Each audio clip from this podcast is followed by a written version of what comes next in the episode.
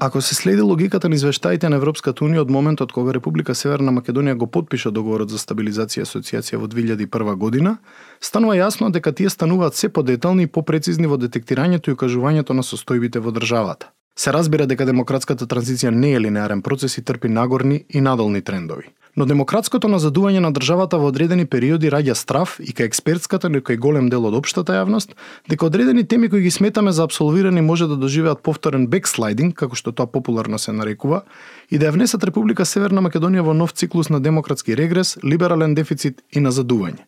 Две од темите кои предизвикуваат загриженост се борбата против корупцијата и јавната администрација, кои напати тешко може да се одвојат една од друга, па затоа денеска решивме да ги третираме заедно. Најголем дел од корупцијата се случува токму во државните органи на централно и локално ниво, а јавната администрација од релативно голем дел на популацијата се перцепира како легло на корупција и непотизам, почнувајќи од незиното пополнување со човечки ресурси, па се до големите скандали кои ги потресуваат незините највисоки нивоа. Се чини дека кај нас ова е најбавно менувачката сфера, но и сфера која веројатно има поминато најмногу измени трансформации законски и политички. Од Охридскиот рамковен договор до најновиот извештај на Европската комисија за напредокот на Република Северна Македонија кон ЕУ, сепак секогаш се провлекува еден ист мотив – потребата за трансформација. Како тоа да не е направено доволно прати преку законски измени, но и неформални практики кои на моменти личат дека се и поважни од формалните критериуми, особено при вработувањата. За темата корупција, особено борбата против неа, зборувам со Миша Поповиќ, раководител на Центарот за добро управување на Институтот за демократија Асоцијата Цивилис од Скопје. Во која мера конфликтот во Украина ја стави во втор план антикорупцијската агенда и дали незиното пролонгирање би можело да ја влоши состојбата на Западниот Балкан во поглед на корупцијата и незиното детектирање и борбата против неа воопшто? Па од една страна конфликтот а, Украина а, ќе ги засили тенденциите на меѓународните партнери од западот а, на државата, меѓутоа и на земите во регионот, да преферираат а, намалување на можноста за конфликт, а тоа значи некакво задржување на статус квото, односно она што се нарекува стабилократија, односно поддршка на политички елити кои што можат да одржат мир без разлика дали тие се особено значени за позитивен исход во реформите. Одговорот не може да се даде дали дека војната во Украина ќе ја подобри борбата против корупција или ќе ја влоши борбата против корупција.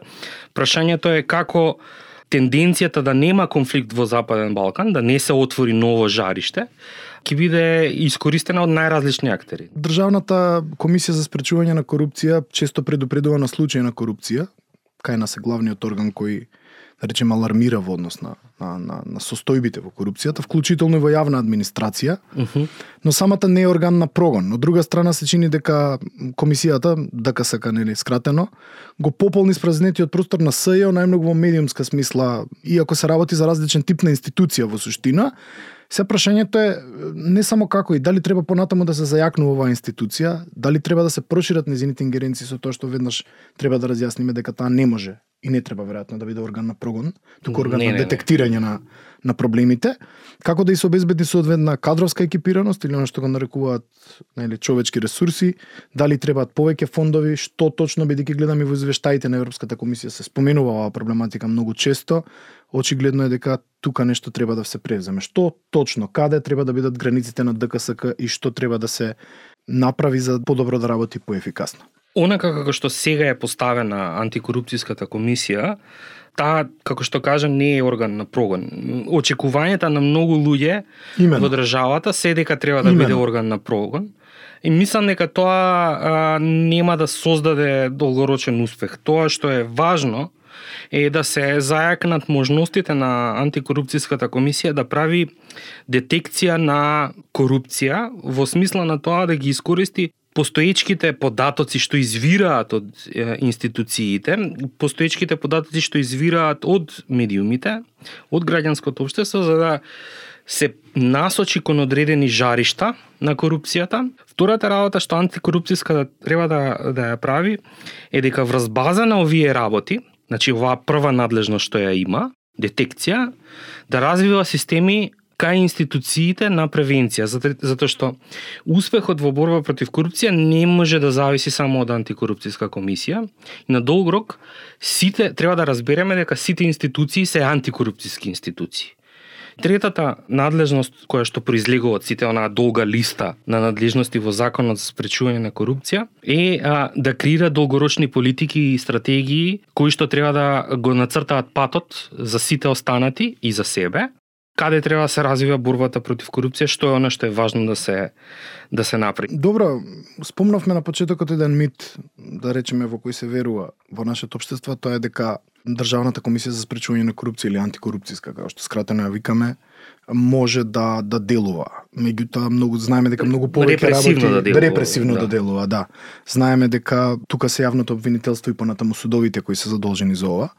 Па можеме ли на кратко само да ја објасниме врската помеѓу јавното обвинителство и ДКСК и дали обвинителството постапува автоматски по случај отворени од страна на ДКСК или механизмот е малку поинаков. За нашите слушатели да знаат за каква точно релација се работи со обзир дека има многу стереотипи во однос на на ова општествено. Да. Земите што имаат успешна борба против корупција, прво имале независно судство, независно правосудство. Так. Ние го немаме тоа. Ние пробуваме да развиеме антикорупцијски капацитети да, кои што ќе доведат до антикорупцијски успех, меѓутоа истовремено немаме независно правосудство. Во ноември 2021 самата влада на Република Северна Македонија своја методологија за проценка на ризик на институционална корупција.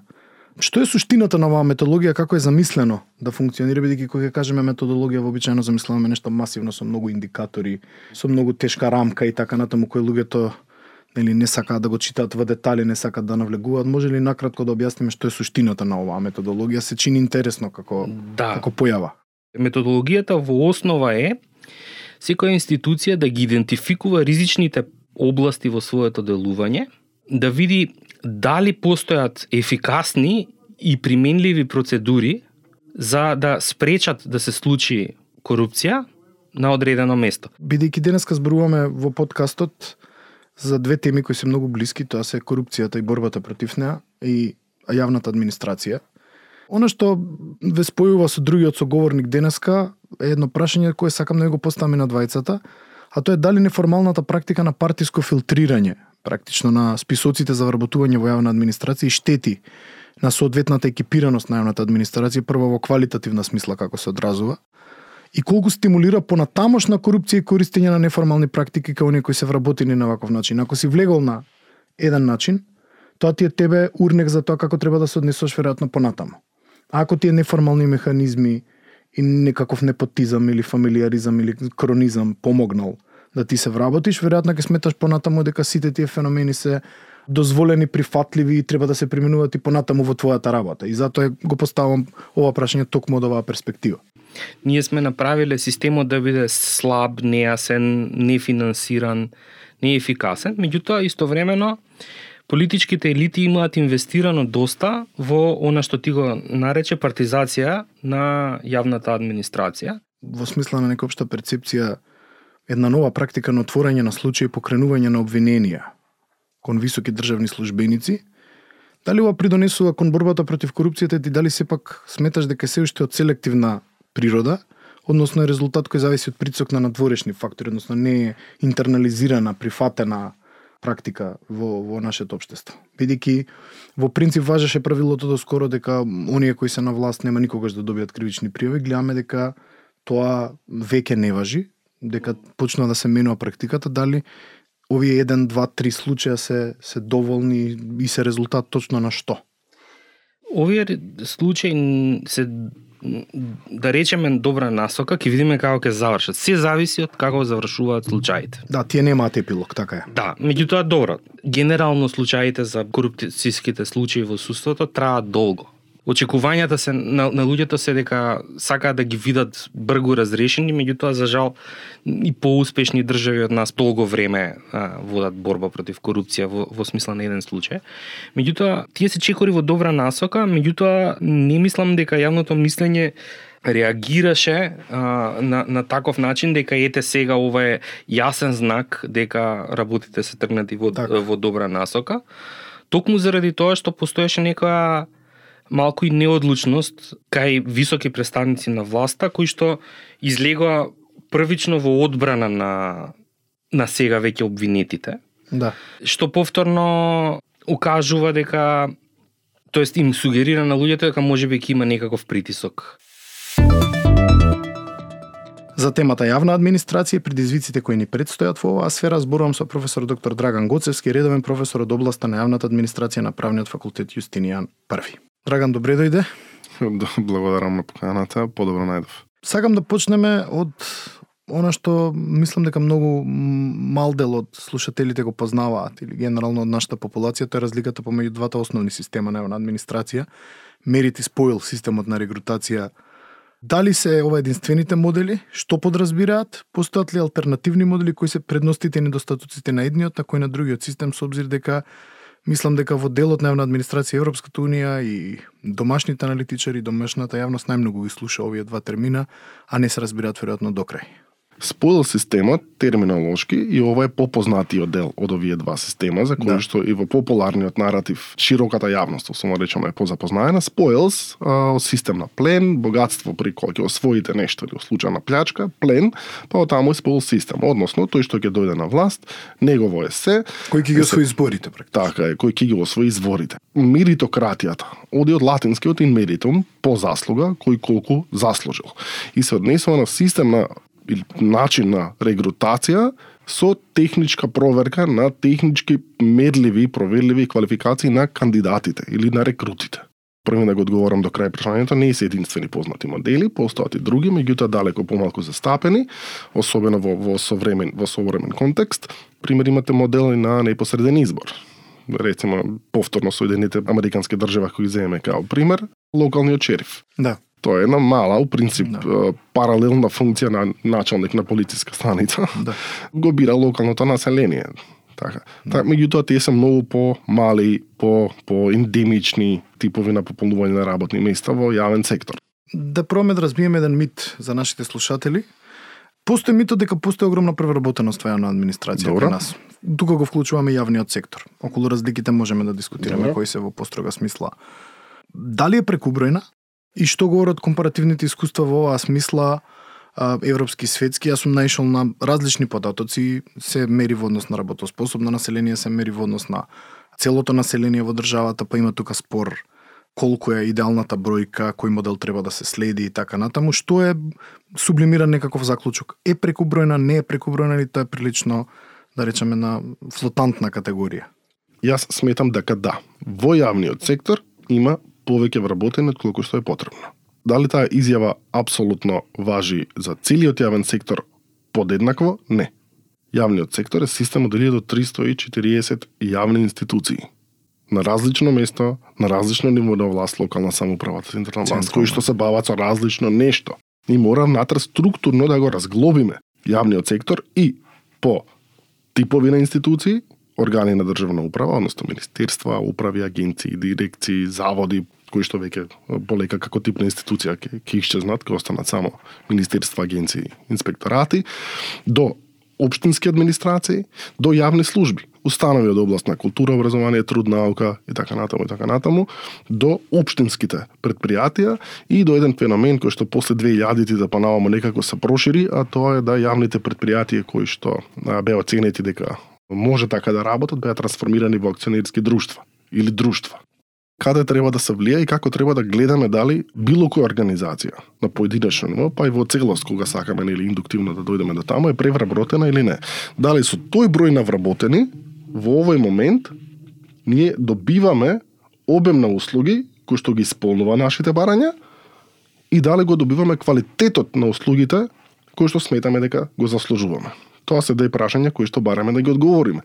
Затоа што во номинални бројки, само ако ги гледате показателите, особено што ги наведовте. Многу малку кажуваат, веројатно. Многу малку кажуваат. Имено, од 2005-16 во однос на вкупното работоспособно население, вкупното економски активно население, значи тие кои што согласно Агенција за Аварам, Агенција за вработување на Република Македонија тогаш ги водеше, 18,59% јавниот сектор тогаш така евидентиран беше 18,59% од вкупното работа способно население.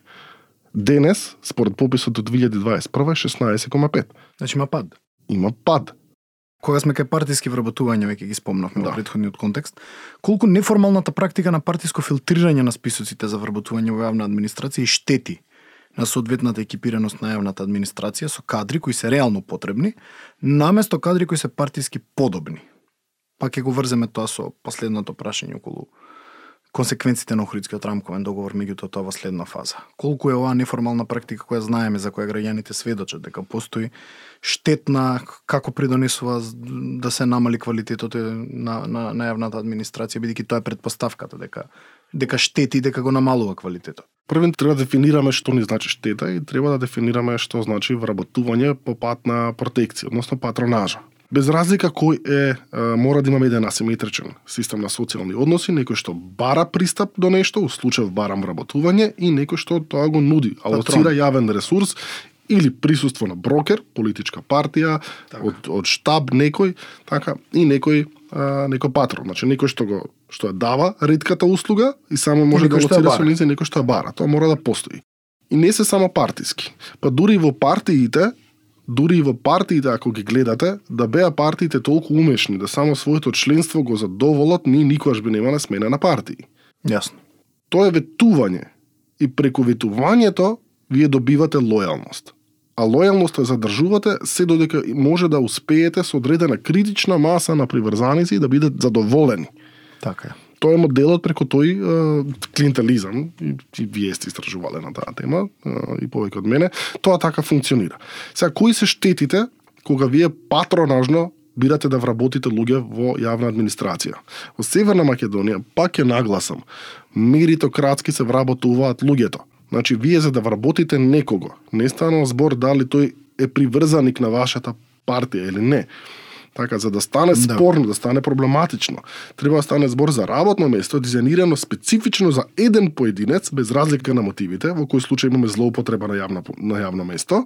Втор аспект, Да. треба поединецот кој се вработува на тоа место да ги исполнува условите, затоа што ако не ги исполнува условите, повторно имате злоупотреба на јавно властување. И во Агенција за администрација, комисија за селекција која што треба да ги провери критериумите на тоа лице, Министерство за информатичко општество кое што дава согласност на систематизациите за работни места, кој што треба да види дека тоа работно место првин мора да постои и дека е направено како што треба, да бара и знаење, и школо, и Така, компетенција, вештини, така. И на крај тој што ќе го подпише решението за вработување на прворангираниот кандидат. Уште во однос на ова, сакам да прашам последното прашање затоа што е врзано. Постои една заблуда која создава по мене многу етнички тензии кај нас се уште и толку многу години по Охридскиот рамковен договор дека отварањето на јавната администрација кон другите етникуми го влоши перформансот на јавната администрација, барем тоа е перцепција кај еден дел на, на јавноста. Дали воопшто постојат јасни индикатори кои кажуваат на ваков развој дека затоа што тој процес се отворил кон други етнички групи, паднал квалитетот на јавната администрација? Дали е тоа резултат доколку е точно на етнички филтер, на партискиот филтер кој беше надодаден на етничкиот филтер при вработувањата, или во прашање е нешто трето или фундаментално е неточно ова тврдење? Учеството на албанците е нешто за што мора а, повнимателно да се разговара, затоа што албанци учествувале и во градењето на Социјалистичка република Македонија и биле присутни, и дипломати биле албанци. Имало. Колку биле они застапени бројчано е друго прашање и зошто нивната бројка била е тоа е исто друго прашање. И дека во најсиромашниот квинтил економски по стандард, најголемиот дел од петкиот квинтил долго време меѓу другото беа и Албан и население од албанска етничка заедница и тоа е нешто што укажува дека да во таа држава тоа население подеднакво ги немала, ако го земеме на куп, ги немала можеби истите можности за пристап, развој, како и другите, како и другите заедници. Тоа мо- тоа во реда да се разговара. И затоа сметам дека барем од денешна призма нема никој да најде спор. Дека требаше да има и во реда да има афирмативни мерки. Кога велиме афирмативни мерки, значи се отвара работно место, ако си од недоволно застапената заедница, ти имаш предност. Да, Така. во ред. Меѓутоа, каде се направени пропусти. И се направени пропусти, ги Е, е нарекуваме треба пропусти, да да го ствари не се пропусти свесно направена, намерно е направена. Никој не имаше проблем и никој ќе немаше проблем да афирмативните мерки се форсираат, дека се наметнат афирмативните мерки. Меѓутоа, критериумите при вработување да, да, да бидат запазени. Така, За дел од небнозинските заедници беа развиени паралелни листи. Ако се јавувате, и тоа е практика, не е право, тоа е практика. Така. Толку е толку Не стана произлегува од никаква нормативна рамка. толку стана етаблирано што тоа никој не го спори. Па дури и балансирот како таков почна тоа да го прифаќа. Односно, ако се вработувате како македонец, вие одите на една листа, ако одите на друга немнозинска заедница, за вас има друга листа, независно од критериумите, треба да сте најдобар на таа листа. Така. Тоа иритира, тоа фрустира, тоа демотивира. Усогласеноста на она што Европската унија го бара од македонската држава но и општество како критериуми кои треба да се исполнат не само што прогресивно станува подетално и покомплицирано, туку со најновата методологија прифатена на иницијатива на Франција станува и реверзибилен процес, каде постои потенцијално назадување, а одредени поглавја може да се отворат и преговараат повторно, ако се забележи видливо влошување. Ова значи вложување напори за реформа на голем број обштествени сфери, но и долгорочна кондиција за спроведување на одржливи решенија, нешто во кое македонската држава и општество не се покажале најуспешни во минатото. Не е случајно што корупцијата и јавната администрација се ставени во првиот дел на извештаите кои Европската комисија ги изготвува за прогресот на земјите кандидати. Не е случајно ниту тоа што овој прв дел се нарекува фундаменти. Овие две теми се токму фундаментални за прогресот на една држава, а јавната администрација и нивната важност ја признаваат сите домашни и странски фактори. За предизвиците во овие две сфери разговаравме со Миша Поповиќ и професор Драган Гоцевски. До следниот подкаст на некои други теми ве поздравува вашиот аудиохост Ненад Марковиќ.